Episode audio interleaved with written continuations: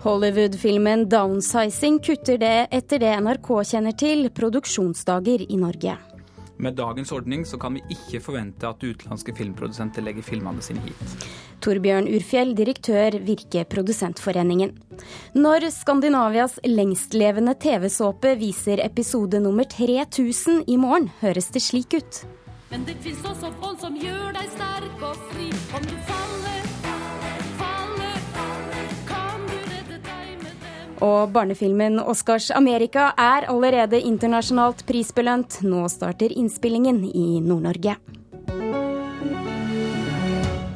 Dette er Kulturnytt, i dag ved Stine Tråholt. Sjansen for å se Matt Damon eller Alec Baldwin på filminnspilling i Norge ble i går betydelig mindre, etter at regjeringspartiene sammen med KrF og Venstre la frem sitt eh, reviderte statsbudsjett. Etter det NRK kjenner til, vil filmen 'Downsizing' med de to skuespillerne i sentrale roller nå kutte antall produksjonsdager i Norge. Produsentene hadde håpet på mer penger til den såkalte filminsentivordningen, som ikke kom no way to contact NASA or my crewmates. But even if I could, it would take four years for another manned mission to reach me. Denne stemmen tilhører Matt Damon, en av flere kjente skuespillere som skal spille i den planlagte Hollywood-filmen 'Downsizing'. En film som ønsker å spille inn flere scener i Norge, men som nå må nedskalere sine planer.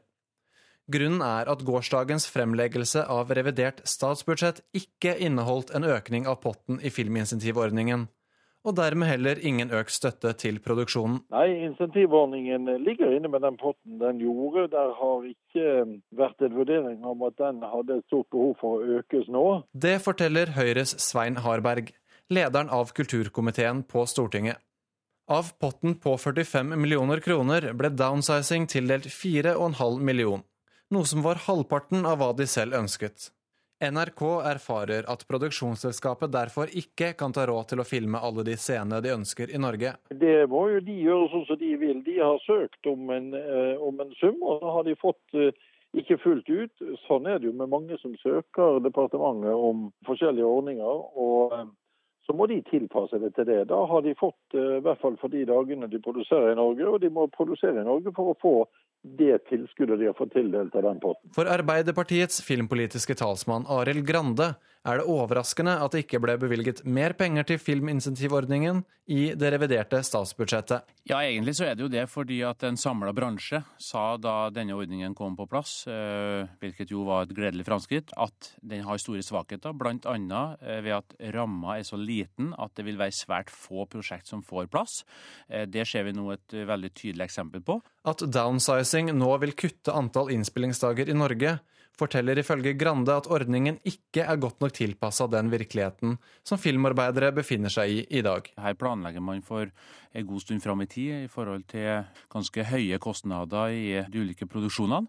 Eh, og det er klart at eh, skal denne ordningen fungere, så må den være forutsigbar. Eh, den må være tydelig rettighetsfesta, og det må være mulig for folk å planlegge noe fram i tid. Men før det gjøres eventuelle endringer i ordningen, mener Harberg at vi først skal se på hvordan den fungerer med dagens tildelinger, og hva som kommer ut av dem. Det er åpenbart at uh, det er søkere til det, og så må vi se hvordan vi kan få gjort noe med den. Uh, om den skal være større, om det skal være andre regler for det når vi kommer til kommende budsjetter. Men det hører ikke hjemme i revidert budsjett. Reporter Magnus Lutnes Aas. Torbjørn Urfjell, direktør i Virke Produsentforeningen. Hvilke tanker gjør du deg når vi nå hører at denne Hollywood-produksjonen kutter sine innspillingsdager i Norge? Det er ikke overraskende. Og vi kan ikke forvente at Hollywood-produsenter står i kø for å vente på norske budsjettmidler. Det de trenger, det er en automatisk refusjonsbasert ordning, der det er slik at den får igjen noen av pengene den legger inn i Norge, uavhengig av hvordan en budsjettpott ser ut.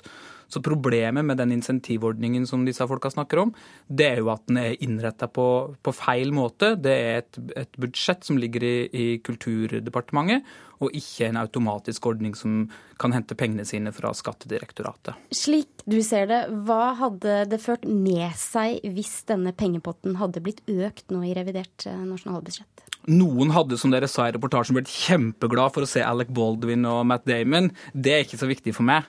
Eh, det insentivordningen kan føre til, det er vekst for reiselivet. Det kan skape flere av de nye arbeidsplassene Norge trenger. Vi hørte Siv Jensen snakke om behov for det nå rett før vi gikk på lufta.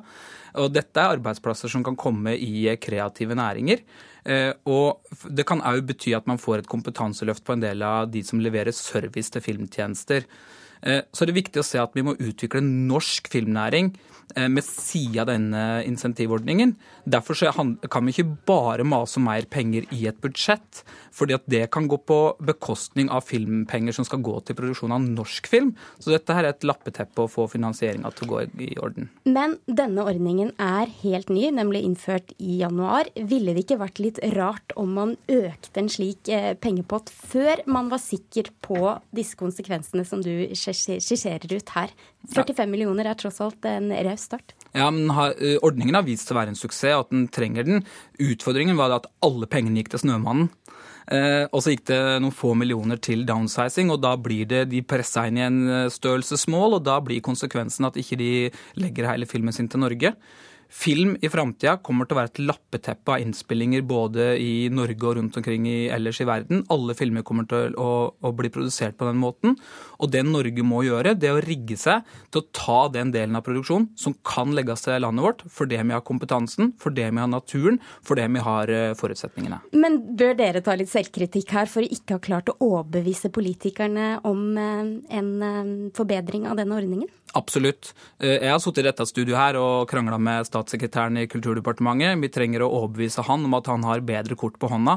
Han forvalter nemlig hele Hvorfor har dere ikke klart det? Nei, det kan du spørre om. Vi jobber med saken. Eh, og vi må Det er ikke bare han vi må overbevise, vi må også overbevise Siv Jensen om at uh, hun har en kreativ bransje å satse på her, som kan skape de grønne nye arbeidsplassene, og at Siv Jensen kan bruke noe av sitt tankegods om skattepolitikk for å hjelpe hjelpe filmnæringa, samtidig som man skaper flere arbeidsplasser og mer aktivitet i Norge, kanskje særlig på Vestlandet. Torbjørn Urfjell i Virke Produsentforeningen, takk for at du kom til Kulturnytt.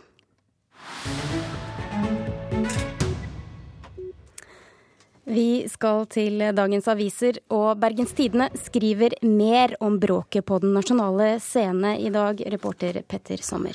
Ja, det er jo kjent at eh, Den nasjonale scene har vært under ekstern gransking fordi det har vært eh, svært dårlig arbeidsmiljø der i mange år.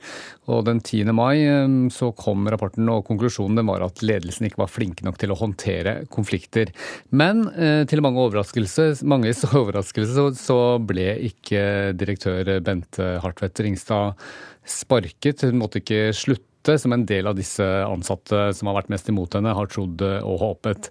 Men i dag så skriver eh, Dagens eh, Næringsliv, holdt jeg på å si, Bergens Tidende, at eh, styret Eh, ved Den nasjonale scene, dagen før rapporten skulle presenteres for de ansatte og pressen, kontaktet en advokat for å se om det var mulig å si opp denne direktør Ringstad, men det sa advokaten nei til. Og så diskuterte man da fram og tilbake hvordan man skulle gå fram for eventuelt å si henne opp på lengre sikt. Og dette her står i en e-post som eh, Bergens Tidende tydeligvis har fått tilgang til, og Ringstad selv kjente ikke til denne e-posten før Bergens Tidende viste henne den. Vi skal fra Bergen til eh, Kina. Det handler om sensur. Ja, eh, Dagens Næringsliv eh, denne gang skriver om kinesiske myndigheters frykt for sosiale medier. Og forskere ved Harvard University i USA har funnet ut at hele to millioner kinesere, altså like mange nordmenn som finnes mellom 16 og 44 år, jeg sjekka i stad, er betalt av myndighetene for å poste partipropaganda i sosiale medier. Og for det så får de betalt fem jiao per innlegg, altså 65 øre omtrent. Likevel så er det vel ikke nytt at Kina driver sensur ved blokkering av internett. Men hvorfor bruker kinesiske myndigheter så mye ressurser på sosiale medier nå? Ja, altså Disse Harvard-forskerne de, de, mener det at det handler om en strategi fra myndighetene som er ment å distrahere, og som går ut på å distrahere og, og snu oppmerksomheten bort fra kritikk, klager og, og, kollektive handlinger. Altså å styre folkeopinionen på en litt sånn mildere måte. Eh, og de kaller det faktisk for en falsk grasrotbevegelse, og det er jo ganske betegnende, som, som da kommunistpartiet kan mobilisere sånn som de vil. Bare tenk deg hvor mye, eller hvordan to millioner eh, Facebook-brukere eh, kan påvirke samfunnsdebatten. Petter Sommer, takk for den orienteringen. Du hører nå på Kulturnytt, og klokken er 13 minutter over åtte. Eh, dette er hovedsakene denne morgenen. Innbyggerne i norske kommuner sier stort sett nei til å bli større. I 35 av kommunene som hadde folkeavstemning i går, ble det nei, mens velgerne i ti kommuner sa ja. Det er et stort flertall blant nordmenn for å innføre nøytrale tobakkspakker. Helseminister Bent Høie tror også at han får flertall i Stortinget for forslaget. Beslutningen om giftdeponi i Brevik i Telemark kan bli utsatt til over sommeren. Det sier klima- og miljøminister Vidar Helgesen.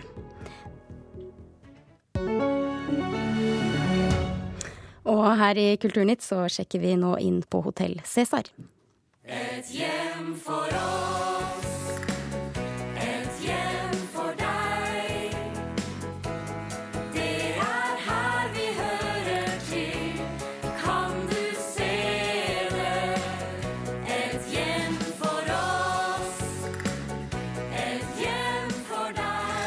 Ja, dette er eh, lyden av Hotell Cæsar. En litt spesiell episode, men så er det også episode nummer 3000 som sendes i morgen. I 18 år har TV-seerne fulgt familien Anker Hansens opp- og nedturer, og det har blitt eh, Skandinavias lengstlevende TV-såpe. I morgen hører vi dere for første gang, eller både ser og hører for første gang, eh, synge alle replikkene i, ja. i en spesialskrevet musikalversjon. Anette Hoff, kjent mm. for mange som Juni Anker Hansen. Hva var din reaksjon når du fikk denne beskjeden?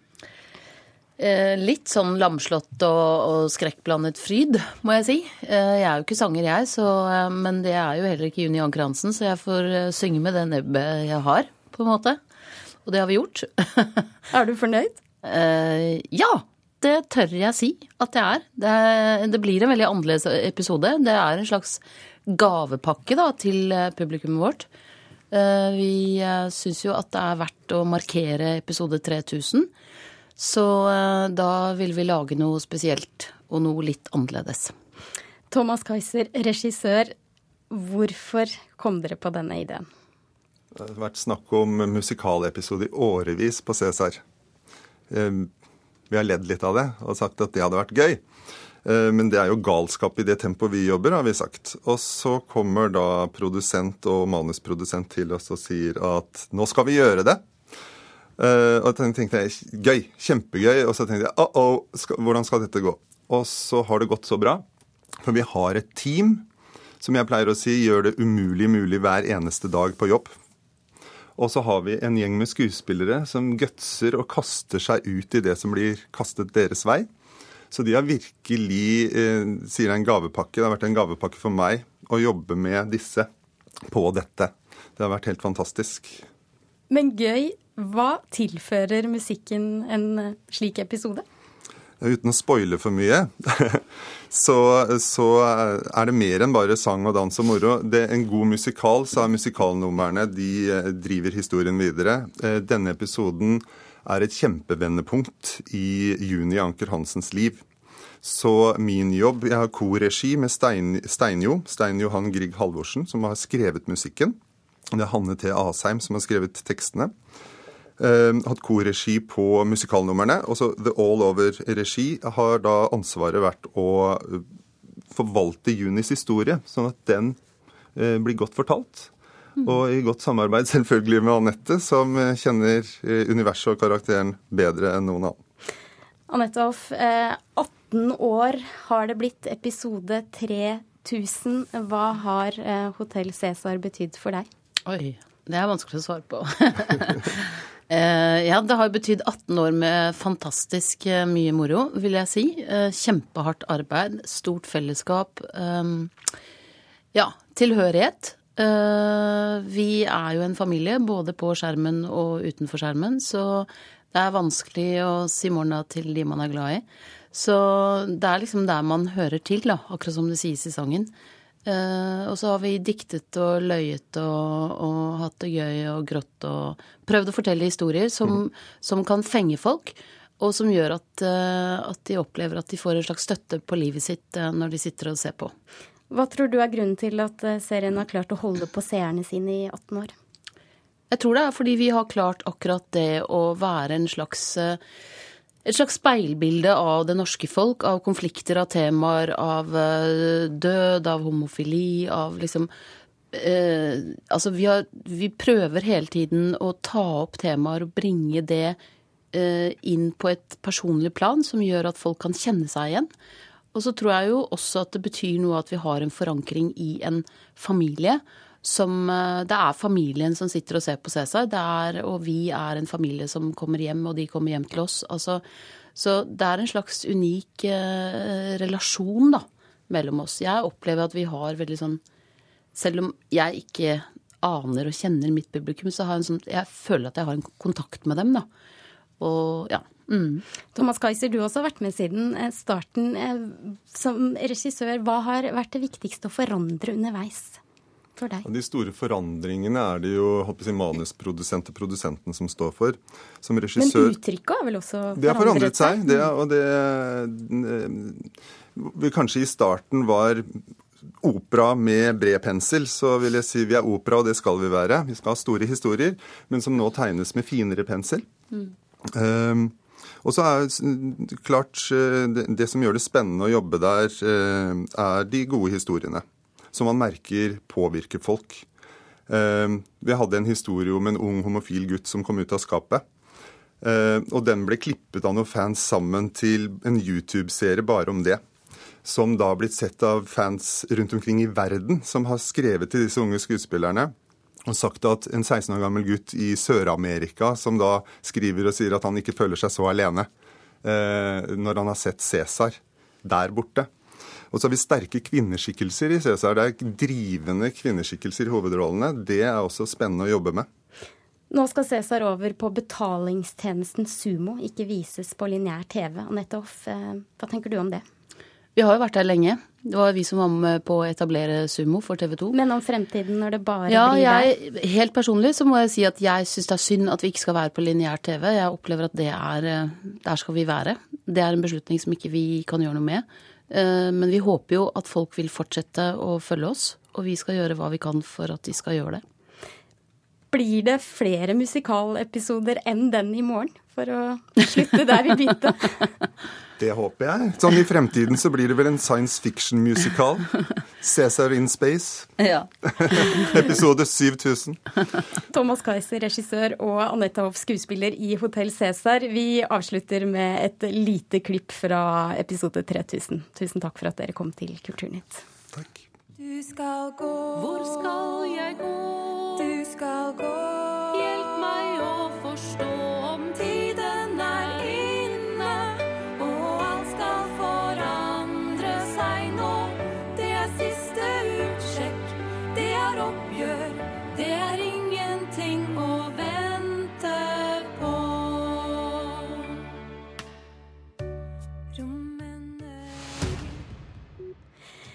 I går så var det siste innspilling av den nye norske barnefilmen 'Oscars Amerika'.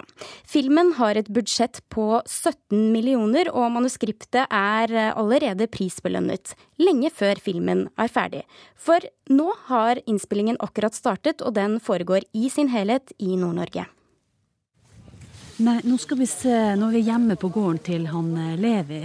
Og han bor her alene med hesten sin, som er en shetlandsponni. Og så kommer, ser vi at han Levi kommer gående hjem med hesten sin. Og så kommer han Oskar som hovedperson og eh, guttene inn til han Levi. Og får, får vi se hva som skal skje med han. Det, de er ikke helt, helt snille med han. Mona Steffensen er produsent for Oscars Amerika. I fem år har det vært jobba med prosjektet. Vi har faktisk vunnet en, eh, en pris for utvikling av prosjektet på en barnefilmfestival i Amsterdam som heter Cine Kid. Og det var nesten 30 prosjekt som ble presentert der, og vi vant hovedprisen for at uh, vi har ei veldig universell historie. Og på, fra et, eh, et lokalt ståsted og med den naturen vi har. Så det har betydd mye. Og historia er veldig gripende, så vi tror den vil nå inn til mange hjerter langt ute i verden. Og underveis så har den fått et nytt navn òg. Det stemmer. For at den lenge, i mange år, så har den hett Et hav imellom. Men eh, nå blir den endelig tittelen Oscars Amerika. Litt mer sånn internasjonal schwung over det òg, kanskje. Ja, det kan du si. Og så er det jo det å, å bruke hovedpersonen sitt navn i filmen har vi også tro på. Det er liksom hans Amerika, hans drøm om Amerika. Elleveåringen Odin Eikre fra Stokmarknes har hovedrollen som Oscar. Nå får han mikrofonen festa til kroppen, og så skal han og de tre som spiller naboguttene, til pers. De skal komme gående gjennom skogen mot huset til Levi.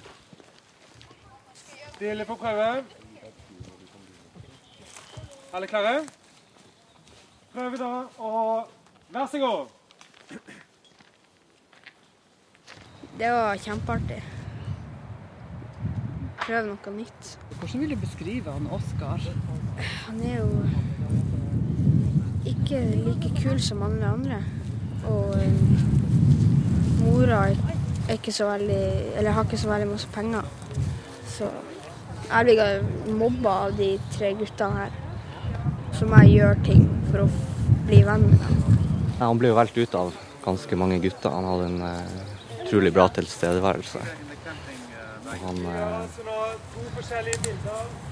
han var bare den Oscar vi ville ha i filmen. Så jeg er veldig glad for at jeg gjorde det valget der. Mm. Det er Torfinn Iversen fra Sortland som har skrevet manus til Oscars Amerika, og han er også regissør. Dette er hans første lange spillefilm. Nå gleder vi oss til å komme i gang her på filmcamp. Kommer til å ha ti veldig bra innspillingsdager her, og så drar vi til Andøya og får lagd resten av filmen der. Så det synes det er kjempefint å få endelig lov til å lage en sånn her film hjemme, omtrent. Å produsere film fra Nord-Norge det er, har vært en drøm og et mål over lang tid. Det er jo eh, fantastisk. Bra stemning. Fin første dag. Mm.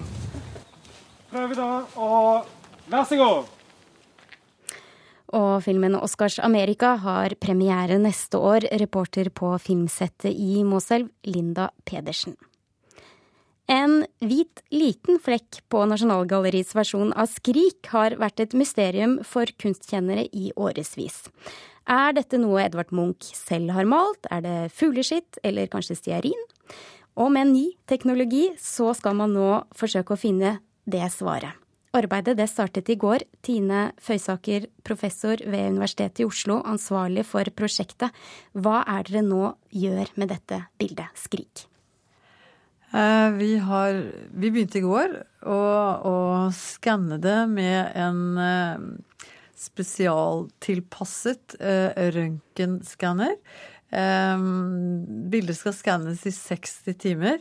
Det er ikke mer enn 90 ganger 60, så dette går jo ikke fort. For her skal hvert bitte lille punkt analyseres veldig mange ganger.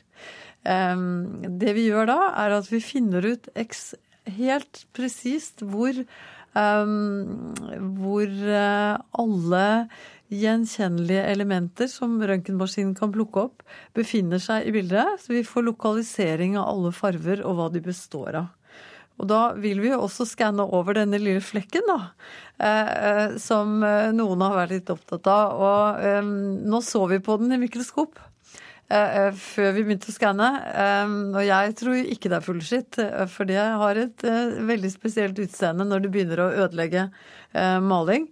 Men, men teorien er det, at det kan være det. Det kan være malingssøl, eller det kan være ja, nesten hva som helst. Og, og så er jo da spørsmålet skal det få lov å fortsette å være der. Um, og det, da må man jo vite ganske mye før man kan begynne å diskutere å fjerne det. Ja, hvorfor er det så viktig å finne ut av hva det er? Altså, Når vi skal bevare et maleri, så må vi vite hva er originalt, og hva er sekundært. Altså hva er forandring, og hva er forandringsprodukter, og hva er eventuelle skader. Eh, eh, det må vi ha veldig god oversikt over, ellers kan ikke vi egentlig gjøre noen ting. Um, og kan si hvis det er kommet på materialer i ettertid eh, som ødelegger Munchs farver, så vil jeg være tilhenger av å fjerne det, da. Eh, Jeg syns jo Munchs farver er det vesentligste, ikke om en eller annen fugl tilfeldigvis skulle ha fløyet forbi. Det syns jeg er helt irrelevant. Men med dette eh, analyseutstyret så er det ikke nødvendig å gå inn og ta noe fysisk prøve, og det er det jeg syns er bra. For det er tatt ganske mange prøver av Skrik allerede. Så det å få skannet den, så kan du si at alle sånne også fremtidige spørsmål de kan besvares med de skanningene vi gjør nå. Har de undersøkelsene som har vært gjort før, ødelagt bilde på noen måte? Og, absolutt ikke. Men, men, men eh, Skrik er jo et av de mest undersøkte. Eh, og det er veldig mye god dokumentasjon. Altså veldig mange viktige teknikker og metoder som er brukt. Men, men på et eller annet tidspunkt så må man kanskje stanse opp og eh, si at eh, skal vi gjøre en kartledning som gjør at eh, folk kan få svar på også spørsmål i fremtiden, og gjøre det så grundig at, eh, at dette er dokumentasjon som eh, Nasjonalmuseet f.eks. kan dele med andre forskere som skulle ha andre relevante spørsmål til Skrik. Så du kan si det, en, det blir en sånn act of preservation eh, å få skannet det eh, så godt som det blir gjort nå. Men vi vet jo at Munch eh, iblant sto og malte ute, bl.a. i Åsgårdstrand. Hvis det nå viser seg å være fugleskitt, hva gjør dere med det da? Eh, Det er ikke jeg som skal bestemme det, gudskjelov, for da ville det bli fjernt. Eh, Jeg eh, er ikke tilhenger av å ta vare på sånt, men det er jo noen Hvorfor ikke det? Nei, jeg syns det er en romantisk, litt bisarr myte å, å tenke seg at Munch kanskje sto Jeg tror ikke han sto ute da han malte Skrik, forresten. Det er først og fremst de store skissene som han ikke hadde plass til inne, som han sto ute og malte. Eh, Og jeg tror de var ute fordi det ikke var plass inne. Enkelt, så enkelt som det. Jeg tror ikke han var spesielt opptatt av å få fugleskitt eller noe annet på bildene sine. Jeg syns det er noe folk har laget i ettertid som en sånn litt bisarr greie. Men i hvert fall for konservatorer flest så er det originale materialene det er konge. Det er det vi skal ta vare på. Tine Føysaker, vi må avslutte, men når får vi svaret? Eh, vi håper i løpet av uken. Vi, vi får se, vi skal skanne ganske mye. Eh, så hva, hva skal vi bruke tiden på? Og så viktig er det jo ikke. Denne sendingen er slutt. Thomas Overstein Ove var produsent. Mitt navn er Stine Tråholt. Nå får du Dagsnytt.